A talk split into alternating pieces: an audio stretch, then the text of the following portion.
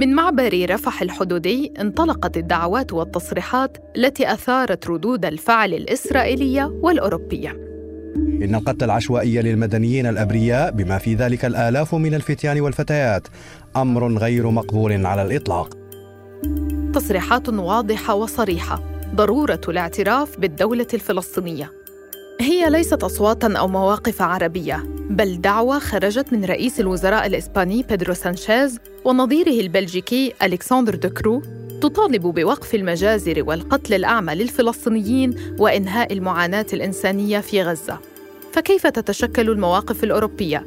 وكيف غيرت أحداث السابع من أكتوبر المعادلة السياسية الأوروبية فيما يتعلق بالنزاع الفلسطيني الإسرائيلي؟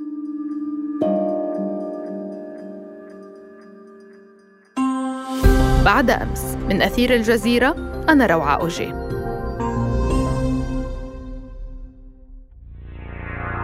دعم بصورته التقليدية لإسرائيل. من دول من القارة العجوز واضحة في موقفها. تتماهى أصواتها الرسمية مع السردية الإسرائيلية دون شروط.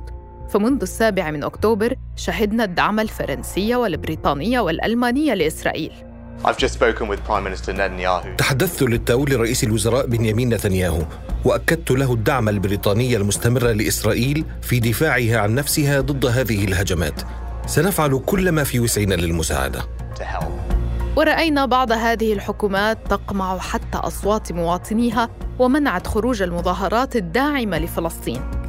يبدو أن السلطات الألمانية لم تعد تتسامح مع المظاهرات المؤيدة لفلسطين كما كانت في السابق لنشاهد تعاملها مع المتظاهرين قبل أيام.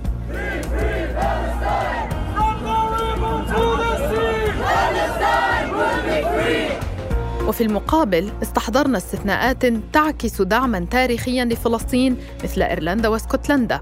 لكن أتت بعض الأصوات كمفاجأة في المشهد السياسي التقليدي.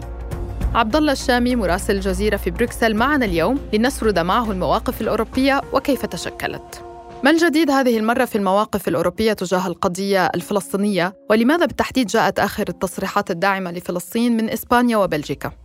نعم المواقف الأوروبية عادة هي في نفس السياق التاريخي الذي يقول على الأقل باسم الاتحاد الأوروبي أنه ما له علاقة بهذه القضية سيكون فقط عن طريق حل الدولتين. إسبانيا بحكم كونها ترأس الاتحاد حاليا وبايضا كون الحكومة أو التحالف ذو أغلبية يسارية واشتراكية كانت تريد منذ اللحظة الأولى وذلك كان واضحا في القمة الأوروبية التي عقدت في نهاية أكتوبر الماضي إلى هدنة إنسانية. لكن إسبانيا على لسان بيدرو سانشيز رئيس الوزراء تحدث عن أن الهدنة الإنسانية يجب أن تحدث وقف إطلاق النار كذلك.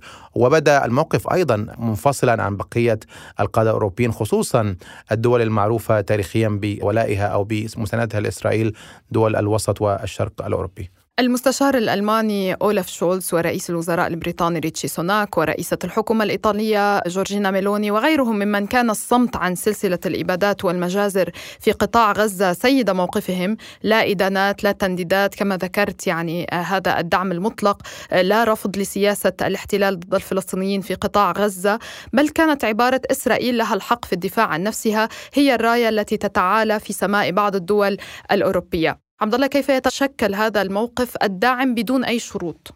يجب ان ننظر إلى كل دولة على حدة، لنأخذ على سبيل المثال إيطاليا، إيطاليا تاريخيا كانت من أشد المؤيدين للقضية الفلسطينية، وبالتالي الموقف الإيطالي عندما نذكره هو له علاقة بالشكل الحالي للحكومة، الحكومة التي عادة عندما تكون هناك حكومات يمينية في أوروبا أيضا تأخذ معه موقف أوتوماتيكي في التأييد لإسرائيل، لكن هناك الجانب التاريخي، ألمانيا بالطبع لازالت حتى الآن ترى أن هناك مسؤولية تاريخية عليها بحكم ما حدث في منتصف القرن الماضي وما حدث لليهود وخلافه أن هناك نوع من الإلزام ليست فقط في الدعم الإسرائيلي وإنما أيضا في إلزام الناس الذين يقيمون في ألمانيا سواء حتى من يطلبون الجنسية أو اللجوء أو غيرها. بريطانيا أيضا تأخذ الموقف الذي يرجع في المقام الأول إلى مسألة شكل التحالف السياسي الحاكم الآن أو بمعنى أدق حزب المحافظين. وإن كانت هناك أيضا نوع من المسؤولية التاريخية بحكم أنها بالطبع من خلال وعد بلفور. في المقابل هناك أصوات ترى الصراع على أنه احتلال ضد شعب محتل. من هذه الأصوات الرافضة للسياسات الأوروبية العامة تجاه إسرائيل هناك نواب من البرلمان الأوروبي هاجموا التصريحات الأوروبية الرسمية والتي تتعاطف مع الاحتلال بشكل واضح وصريح. اليوم نريد أن نرفع صوتنا لإدانة ما تقوم به إسرائيل من إبادة جماعية مبرمجة في قطاع غزة. كان هذا التصريح لوزيرة الحقوق الاجتماعية في الحكومة الإسبانية أيوني بيلارا التي أدلت به قبيل خروجها من تشكيلة الحكومة الإسبانية الجديدة. عبد الله على غرار وزيرة الحقوق الاجتماعية في الحكومة الإسبانية هناك الكثير من الأصوات الأوروبية المنددة بسياسات إسرائيل ما هي هذه الأصوات المناصرة للفلسطينيين وكيف تشكلت مواقفها؟ الرأي العام الأوروبي أصبح مستعدا لتقبل روايات أخرى. هذا الأمر نراه في البرلمانات المحلية خصوصا الدول التي هي أيضا لديها شعوب محتكة بشكل أوسع مع الصراع أو مع القضية الفلسطينية. نتحدث عن إيطاليا عن إسبانيا كما ذكرت وبلجيكا هولندا. تشكلت هذه الحالة التي وصلت إلى مستويات استجواب قاسي للغاية مثلا للسفيرة الإسرائيلية في بلجيكا في البرلمان البلجيكي. هناك دائما استدلال من قبل المتحدثين سواء على مستوى المستوى السياسي العالي كما قلت الوزير الإسباني أو حتى كانت مفاجئة بالمناسبة سلوفينيا وزيرة الخارجية حديثة عن إخضاع المسؤولين عما حدث في غزة للمساءلة المحاكمة طالبت كذلك أيضا بهدنة إنسانية. وبالتالي هو من الواضح أن أن أن الأمر الآن تحول من فكرة إعطاء إسرائيل ما تريد إلى ضرورة التمهل والتفكير وأن الأمر ليس كما يبدو عليه. المواقف الأوروبية التي ربما في مستويات أعلى من ذلك لا زالت بالطبع تأخذ نفس المسار وهو إعطاء إسرائيل كل ما تريد لكن على المستويات التي نتحدث عنها المستويات الوسيطة وما دونها هناك تغير كبير بسبب هذه الصور والرسائل التي تأتي من داخل غزة. ويمكن القول أننا يعني أن كل ما هو أقل من الناحية الأخرى على المستوى السياسي أي الوسط واليسار والاشتراكيون وكذلك أيضا أحزاب العمال وغيرها من هذه القطاعات أصبحت بشكل كبير جدا مع القضية الفلسطينية لأنه على الصعيد الآخر اليمينيون يأخذون المنحى الآخر. ما هي الأصوات المفاجئة التي لم يكن متوقع منها أن تظهر في سياق الدفاع عن فلسطين وإدانة الاحتلال؟ أعتقد مواقف الحكومة البلجيكية عموما منذ البداية حاولت الوقوف في المنتصف وكذلك أيضا المواقف التي أتت من الجنوب. أظن أن دول مثل إسبانيا وكذلك أيضا مالطا مالطا بالمناسبة هي دولة صغيرة لكنها أيضا كانت من الدول التي تقدمت داخل مجلس الأمن بطلب لهدنة إنسانية. كذلك هناك مواقف مفاجئة كما قلنا من سلوفينيا التي تقع ضمن جيران يعطون لإسرائيل الدعم الكامل. النمسا سلوفاكيا المجر وكذلك أيضا كرواتيا وكان هناك أيضا في الشمال هناك مواقف مفاجئة عندما يمكن أن نتحدث عن النرويج وكذلك الدنمارك بشكل ما ومعها أيضا السويد على مستويات مختلفة بالطبع ما بين رئيس الوزراء إلى مستويات وزراء داخل هذه الحكومات. لكن أعتقد أننا مع بداية الفترة الجديدة للاتحاد الأوروبي التي تبدأ في العام المقبل منتصف العام المقبل قد نرى بالفعل وجود كما قال بوريل نفسه مفوض الخارجية وجود خطاب جديد لأنه مم. على مدار 30 عام كما قال كان هناك ظن أن الأمر سيحل نفسه بنفسه وأنه مع التطبيع الذي كان يأخذ سياقا أسرع بين الدول العربية وإسرائيل كان الأمر بشكل آلي سيحل لكنه كما قال كان هناك فشل أخلاقي وسياسي من قبلهم في هذا الملف ونحن نتحدث عن الأصوات والمواقف الأوروبية تعلو الأصوات الشعبية والحزبية المناهضة للتيار الحكومي والسياسي الداعم لإسرائيل. مظاهرة جديدة في باريس. هذه المرة للمطالبة بوقف العدوان على الشعب الفلسطيني وعلى قطاع غزة والمطالبة أيضا بوقف إطلاق نار فوري الرئيس الفرنسي إيمانويل ماكرون ومنذ بداية الحرب صرح بدعمه الكامل لإسرائيل. وتحمس لدرجة اقتراح تحالف دولي ضد حماس ينطلق من التحالف الدولي ضد تنظيم الدولة. فرنسا جاهزة. على أن يكون التحالف الدولي لمواجهة داعش والذي نشارك فيه في عمليات العراق وسوريا لتكون قادرة على مواجهة حماس. ثم شهدنا تراجعا لمكرون كان أول من انسحب من الدعم المطلق داعيا لوقف قتل المدنيين في غزة. فهل نجحت أصوات الشارع في التأثير على القرار السياسي؟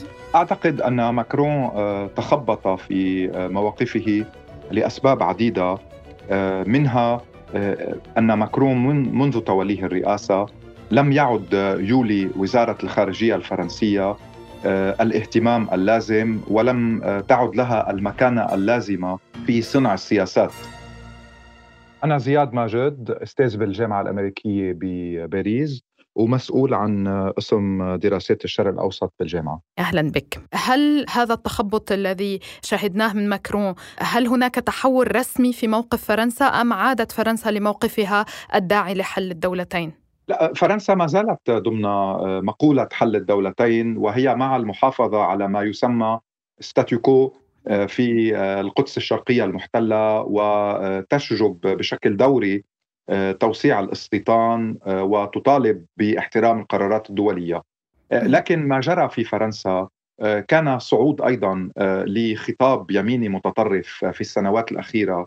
دفع جزءا كبيرا من النخبة السياسية الفرنسية إلى المزايدة على هذا الخطاب اليميني المتطرف كسبا لقطاعات من الرأي العام أو تنافسا مع اليمين المتطرف على بعض القطاعات. فاندفعت المواقف الفرنسية داخليا وخارجيا آه، باتجاهات لا تشبه آه، تاريخ السياسة الفرنسية آه، تجاه المنطقة على الأقل بعد حرب ال 67 وبعد عودة دوغول يعني في ولاية ثانية ومن ثم رحيله عن السلطة. ترك تراثا من التوازن السياسي تجاه قضايا المنطقة. ساركوزي خرج عن ذلك بدعم كبير لإسرائيل وماكرون خرج عن ذلك مؤخرا. ثم عاد ليشبه أكثر في تصريحاته الحالية آه، المواقف السياسية الفرنسية التاريخية.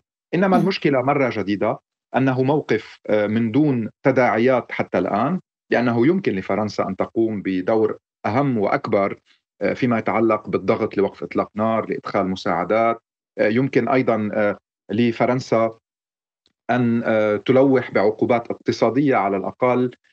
يمكن لها أن تلعب دور وساطي على مستوى أرفع وأعلى. هي الآن في الخلف الولايات المتحدة طبعا وبعض القوى الإقليمية في المنطقة مثل قطر أو مصر يقومون بالجهود الدبلوماسية. وفرنسا تبدو أكثر إلى أشبه بدور المتفرج. ولو أن ثقلها الرمزي التاريخي ما زال يمكن تفعيله في في طريقة مختلفة. ماذا عن دور الاتحاد الأوروبي؟ رأينا انقسامات داخل الاتحاد بين رئيسة المفوضية أرسولا فوندرلاين ودعمها لإسرائيل وبين من رفض هذا الموقف الرسمي من داخل الاتحاد واعتبر أنه لا يحق لقيادته التفرد في اتخاذه هل هذا الانقسام هو ما يجعل أن الاتحاد الأوروبي منسحب من أي دور آه، يمكن أن يؤديه كوسيط تفاوضي وكقوة ضاغطة؟ نعم أعتقد أن الاتحاد الأوروبي آه، اكتشف آه، منذ بداية الحرب الروسية على أوكرانيا محدودية آه، ثقله السياسي والعسكري. بمعنى آخر أوروبا انكشفت أمام التوازنات القوى الدولية وبدت قوة غير قادرة على فرض نفسها بسبب خلافات داخل الاتحاد بسبب البريكزيت ومفاعيله بسبب بطء عمل المؤسسات في الاتحاد الأوروبي. وبسبب الحاجة أيضا إلى ما يشبه الإجماعات قبل اتخاذ القرارات. فتصاعدت أصوات بلجيكية، إسبانية، إيرلندية آه، ومن آه، بعض ممثلي الكتل اليسارية آه، في البرلمان الأوروبي تطالب بوقف التصريحات التي تدعي تمثيلا للاتحاد في حين أنها تمثل شخص المفوضة أو آه، بعض الأشخاص الذين زاروا إسرائيل وأعربوا عن آه، دعمهم المطلق لها. وبالتالي الجدال والنقاش صار داخل آه، مؤسسات الاتحاد الأوروبي مما أيضا عدل بعض الشيء من لهجته التي كانت شديدة الدعم لإسرائيل. وطبعا الفظائع التي ارتكبتها إسرائيل والتي توثقها مؤسسات دولية وأوروبية تجعل الاستمرار بالدعم المطلق أكثر صعوبة.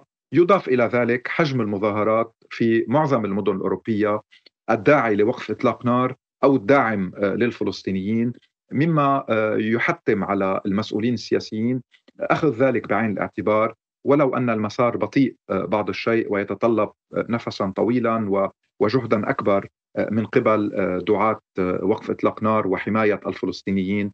من الجرائم الإسرائيلية. من الأصوات المفاجئة أيضا النرويج التي أدانت الحصار والحرب على قطاع غزة واستهداف المدنيين.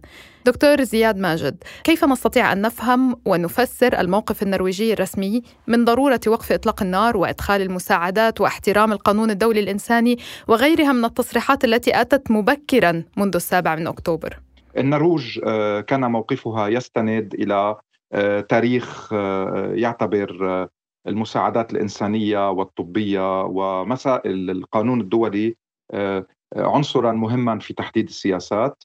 وهناك حضور طبي وإغاثي نرويجي في الأراضي الفلسطينية المحتلة بما فيها قطاع غزة. وكان لهذا أن أملى على النرويج موقفا أكثر توازنا من المواقف أكثر توازنا من المواقف الأوروبية الأخرى بسبب الرأي العام النرويجي وبسبب العلاقات المرتبطة بدعم القانون الدولي والمساعدات الإنسانية في مناطق الصراعات والنزاعات. كما أن هناك كما أن هناك شهودا من النرويج أطباء تحديدا عاشوا في قطاع غزة ويدركون حجم المعاناة بسبب الحصار. وبسبب الحروب الإسرائيلية المتكررة على القطاع الأصوات الإيرلندية كانت من الأعلى داخل البرلمان الأوروبي ويعني عبر أوروبا ولكن هي لطالما كانت مناصرة للقضية الفلسطينية ما السياق التاريخي لهذا الدعم؟ هناك رأي عام في إيرلندا وقوى سياسية في إيرلندا لطالما اعتبرت أن هناك آه، تشابها بين كفاحها التحرري والاستقلالي آه، ضد أو أو في وجه الهيمنة الإنجليزية والاحتلال الإنجليزي وبين القضية الفلسطينية. هذا يأخذنا إلى بريطانيا. أكبر المظاهرات وأكثرها حشدا تمركزت في العاصمة لندن. مئات الآلاف خرجوا بشعارات داعمة لفلسطين ومطالبة بوقف العدوان على غزة. في أجواء باردة وممطرة في لندن هتف مؤيدو الحقوق الفلسطينية أن أوقفوا إطلاق النار في غزة فورا وأغيثوا أهلها وأوقفوا دعم إسرائيل. الأستاذ توفيق تهاني رئيس رابطة الصداقة الفرنسية الفلسطينية ما أثر مثل هذه المظاهرات خاصة في بريطانيا الحكومة التي كانت يوما ما مستعمرة لفلسطين وممهدة لقيام دولة إسرائيل؟ الآن شعبها يقف ضد سياسة القتل الإسرائيلية وضد الدعم اللامحدود لإسرائيل.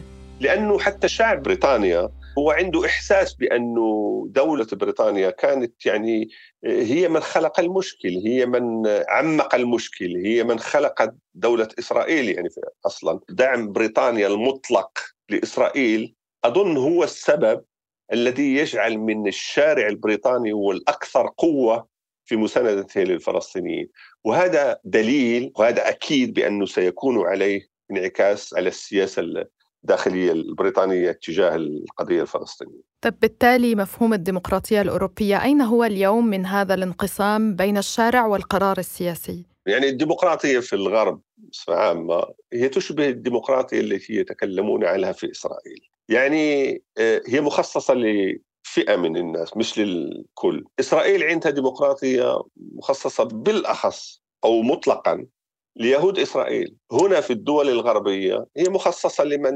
يتفق مع الاتجاه العام للحكومات ومن هو عنده مصدر الحكم الأساسي. فلكن الفرق بين الدول الغربية وبين مثلا الدول العربية هو انه في هذه الدول الغربية لما تستمر المظاهرات ويستمر ضغط الشارع فإن الحكام في آخر المطاف يتراجعون ويعني يحولون موقفهم. وهذا ما نشاهده الآن في فرنسا. ونشاهده كذلك في الولايات المتحدة وبريطانيا. هل هناك إعادة نظر أيضا في معاداة السامية؟ يعني لا أحد يريد التراجع عن تجريمها طبعا لكن بدنا نسمع أصواتا تجرؤ على رفض استخدامها كتهمة لإسكات كل من يطالب بحقوق الفلسطينيين أو ينتقد الانتهاكات الإسرائيلية لحقوق الفلسطيني ما يجعلنا نتساءل كيف نشأ أساسا هذا الربط الأوروبي بين معاداة السامية ومناصرة حقوق الفلسطينيين أو هذا الاستخدام لمعاداة السامية كواقي حمائي لإسرائيل من أي مساءلة الغرب كان هو من خلق إسرائيل هناك وكان يعني منذ 1981 وأوروبا يعني تعد الفلسطينيين بأنهم ستكون لهم دولة ولحد الآن لم يفوا بعهدهم فهذا يعني كل واحد الآن مساند ليس للشعب الفلسطيني للقانون الدولي والقانون الدولي الإنساني فيما يخص المسألة الفلسطينية والمسألة الإسرائيلية الفلسطينية. فهو يعتبر كمعادل السامية لكن لكن هذه القضية لم تعد تنطلي بشكل مطلق يعني في الناس يعني صارت تعي بهذا بهذا الفخ وأظن بأنه لن يسكتوا الأصوات التي تنادي بوقف إطلاق النار وباحترام القانون الدولي والقانون الدولي الإنساني ووقف الجرائم إسرائيل بحق الفلسطينيين. حناجر سمعت أصواتها وحناجر لم تسمع ومواقف تشكلت من مبدأ المصالح والآراء التاريخية ومواقف أخرى صمتت في حضرة الموت والمجازر والإبادة. مواقف تشكلت من مبدأ الإنسانية والحق في العيش لتكون استثناء فريدا في مشهد أوروبي غير معهود تجاه القضية الفلسطينية. فهل نشهد تحولا في الموقف الأوروبي ليكون أكثر انصافا وعدلا للقضية الفلسطينية؟ بعد أمس من أثير الجزيرة. تابعونا عبر كافة منصات البودكاست وأرسلوا لنا أسئلتكم ومقترحاتكم في التعليقات عبر حسابات أثير على مواقع التواصل الاجتماعي. دمتم بخير ونلتقي بعد أمس.